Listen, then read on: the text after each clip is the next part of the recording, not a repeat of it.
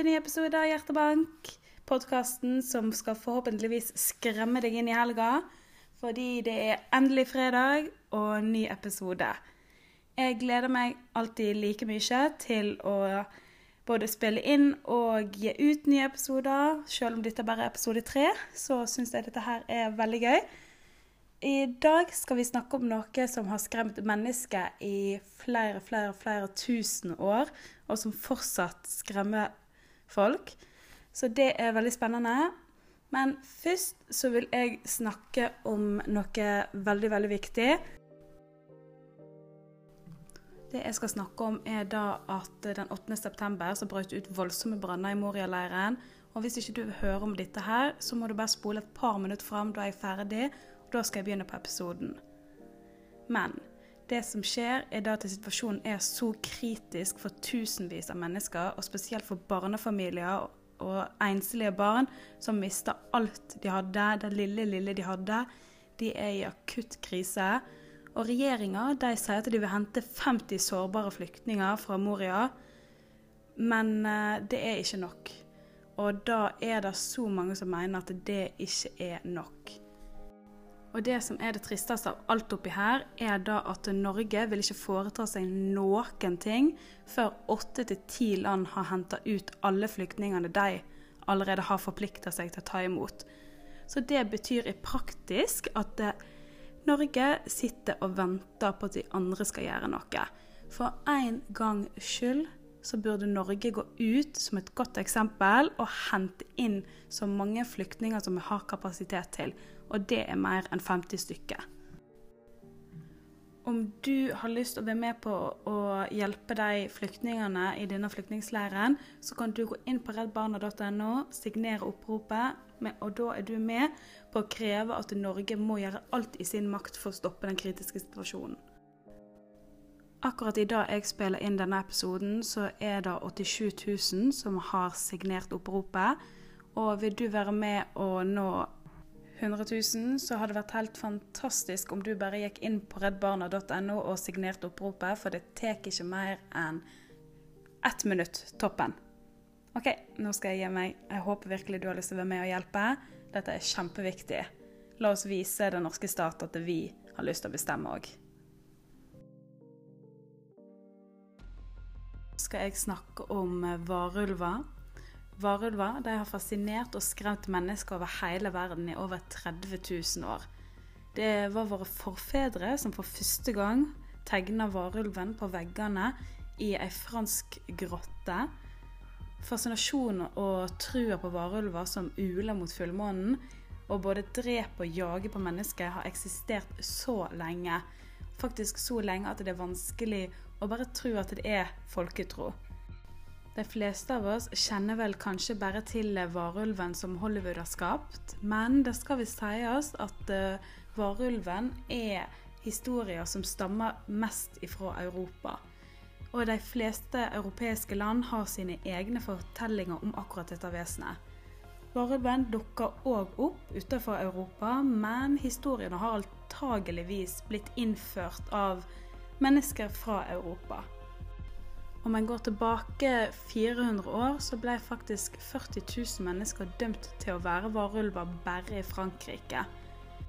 Menneskets nysgjerrighet og redsel er noe som alltid har eksistert, enten det er ekte scenarioer, som f.eks. en ekte seriemorder, eller oppdikta historier som Dracula. Mennesker flest blir trukket mot sånne typer frykt, og jeg regner med at du kjenner deg igjen med tanke på at du hører akkurat på denne poden her. Ifølge utbredt tradisjon gjennomgår varulver hver fullmåne en smertefull forvandling, men det er òg enkelte som mener at det forvandler seg akkurat når de vil. Det sies òg at varulver skal man aldri drepe med mindre det er selvforsvar. For man må faktisk huske at en varulv ikke bare er en ulv, men menneske òg. Et menneske som fortjener å leve. Det sier òg at man bare kan befri varulven fra forbannelsen ved å drepe han med ei sølvkule, eller ved at en person som står han nær, kaller varulven med hans rette navn. Kanskje du har hørt det ule langt inne i skogen. Et ul som bryter seg både gjennom vegger og stein. Og selvsagt har jeg en eh, historie om eh, et møte med en varulv. Denne historien er fra et lite tettsted utenfor Bergen. Det handler om eh, Susanna og jentegjengen hennes, og de var klar for deres årlige tur. Dette her er historien. Hvert år hadde vi så tradisjon om å reise på en eh, friluftstur som innebar fjellklatring, lange fjellturer, fisking og egentlig bare oppleve nye deler av det flotte landet vårt. Vi hadde begynt denne tradisjonen da vi var 18 år gamle, og nå fem år etterpå så hadde vi fortsatt klart å holde liv i den. Denne gangen så var det eneste vi hadde tid til, var en telttur som skulle vare en natt.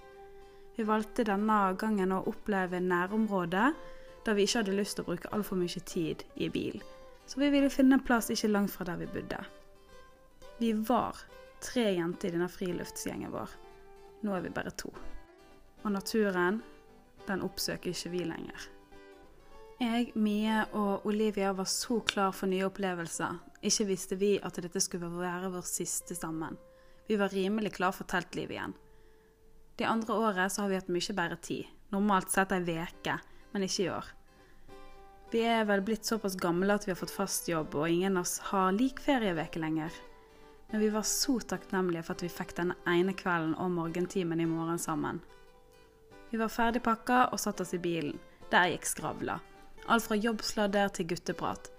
Mie fortalte om eh, at hun mest sannsynlig hadde møtt mannen i sitt liv. Jeg og Olivia lo så mye av akkurat det der. For mannen i Mie sitt liv møtte hun flere ganger i året. Jeg følte meg så heldig og så lykkelig for at jeg hadde disse jentene i livet mitt.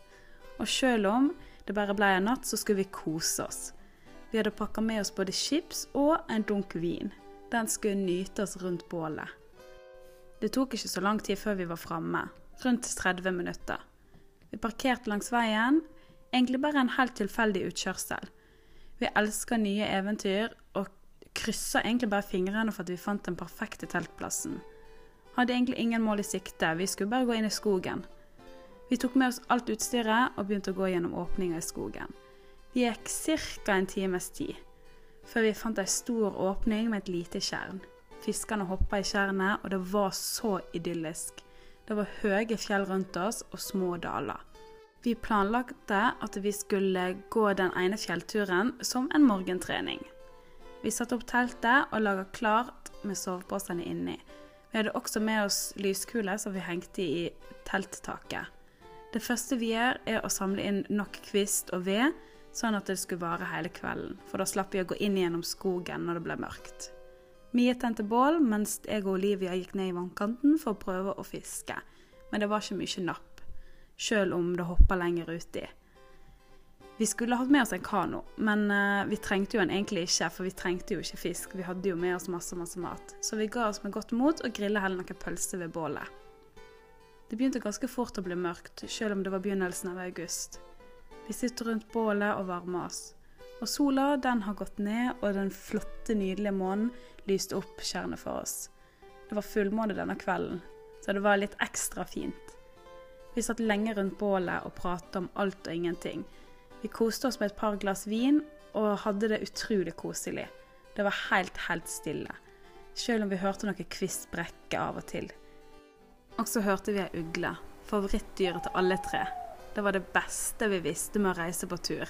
Det å sitte rundt bålet, høre på ugla og bare være i nuet, oss tre. Vi snudde oss brått. Hva da? Var det en ulv? vi ser på hverandre, men det er jo ikke ulv her vanligvis. Vi begynte alle å google. Der var det igjen. Litt nærmere. Vi ser på hverandre. Nei, det skal jo ikke være ulv her, teknisk sett. Men det kan jo alltid være en som streifer. Vi har jo lest om det i avisa at det har blitt observert i området før. Vi ble så satt ut. Vi hadde jo ingenting å beskytte oss med. Vi snakka om at vi kanskje skulle gå ned igjen til bilen, men det ville fort ta en time, og vi kjenner jo oss ikke igjen her oppe. Vi ringte pappaen til Olivia, som fortalte oss at vi burde bli der vi var. For i mørket så kom vi aldri til å kjenne oss igjen. Han så òg at ulven ikke kom til å angripe oss. Vi skulle bare legge oss inn i teltet og ta det helt med ro. Vi slukka bålet, og gikk inn igjen i teltet. For vi følte oss kanskje litt tryggere der, og vi måtte bare stole på det faren til Olivia hadde sagt. Det gikk noen timer, og vi hørte ingenting lenger. Men fikk i alle fall ikke sove. Vi pusta veldig letta ut og lo av det hele. Tenk for en naturopplevelse å høre ulvehyl her ute. Dette kom mest sannsynlig til å komme i avisa.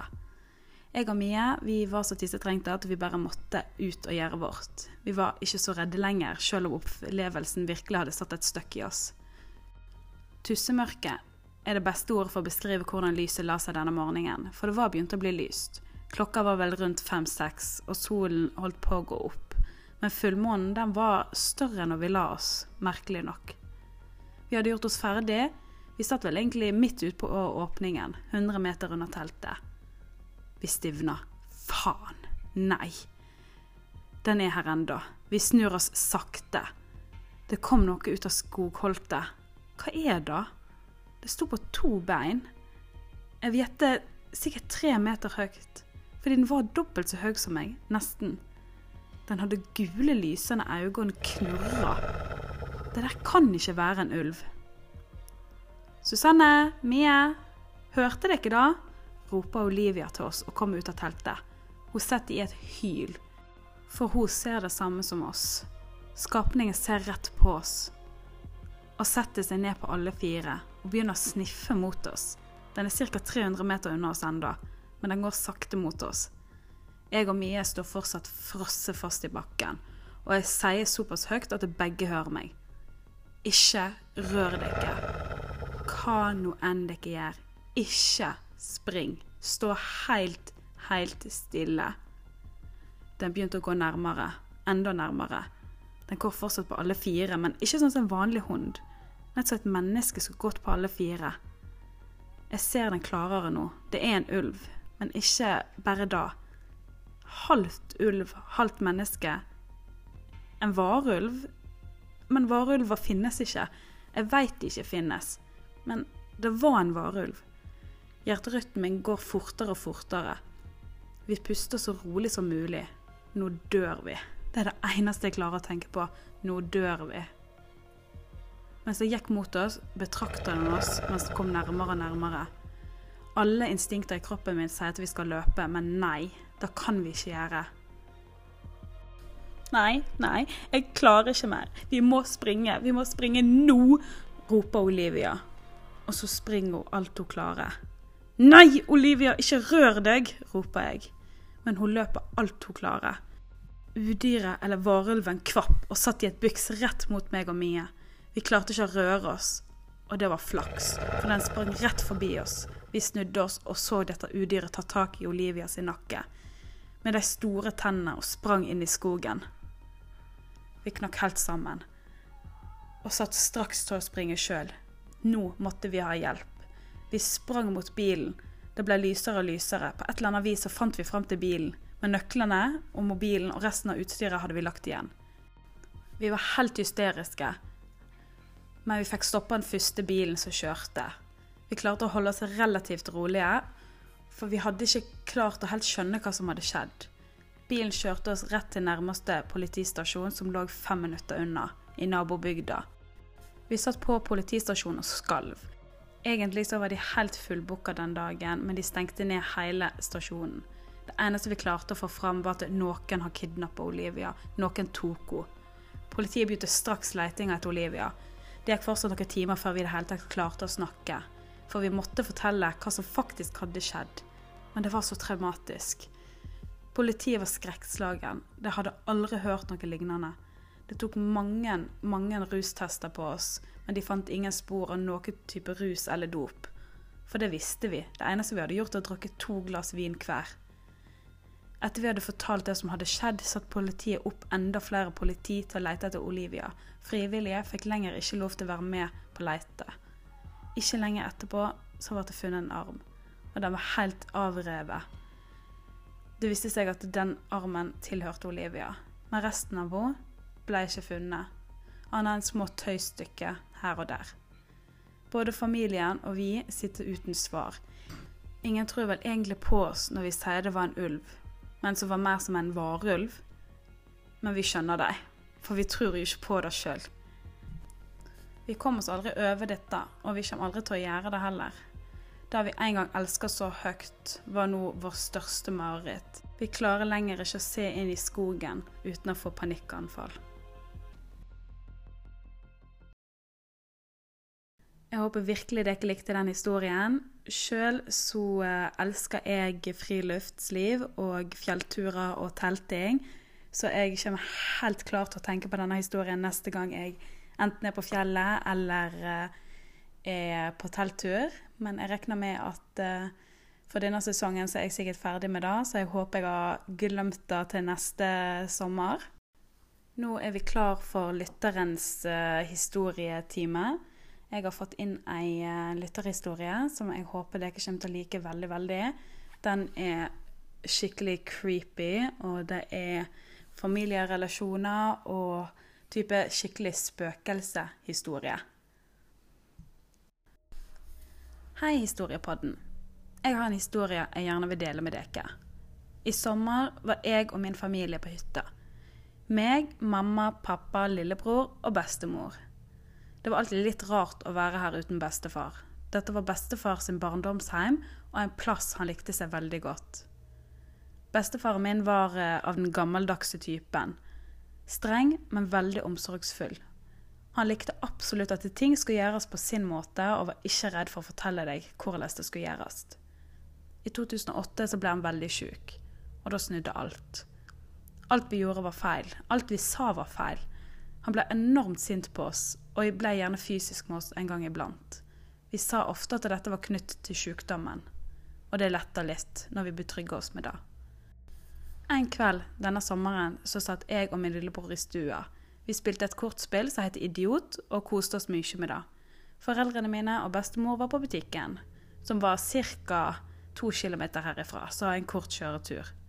Lillebroren min er en utrolig dårlig taper, og da han tapte igjen og igjen, så ble han så furten at han bare snudde seg tvert om og ville verken se på meg eller spille mer.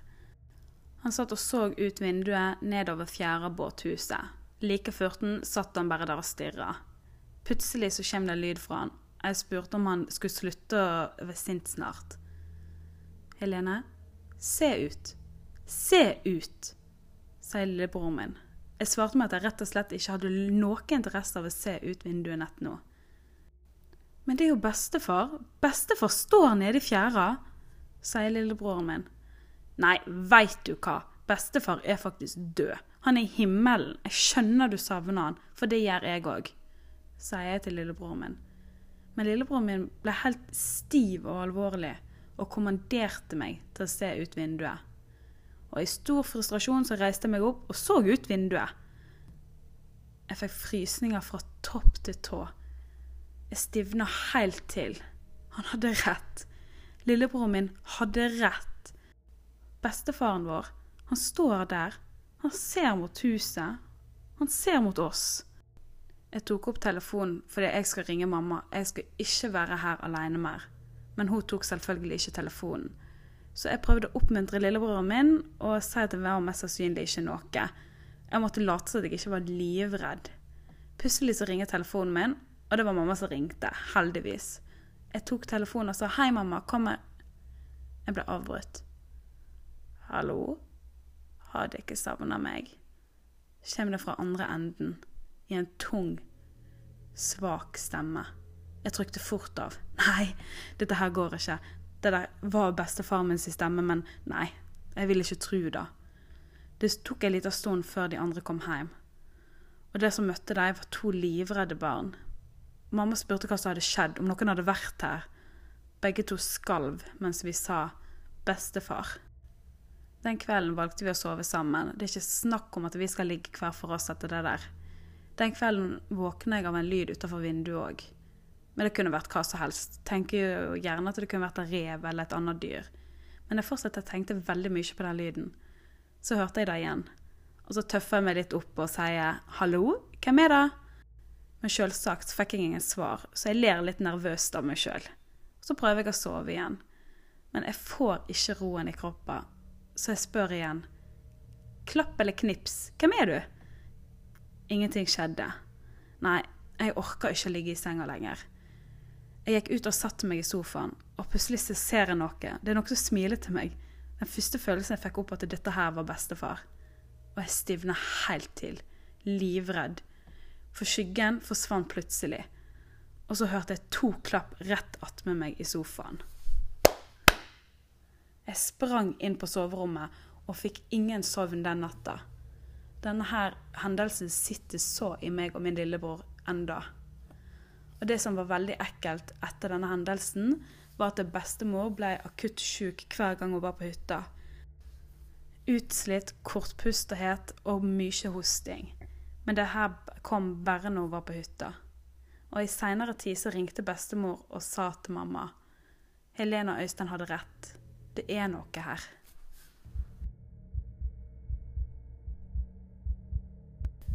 Tusen takk for at du hørte ukas episode av Hjertebank.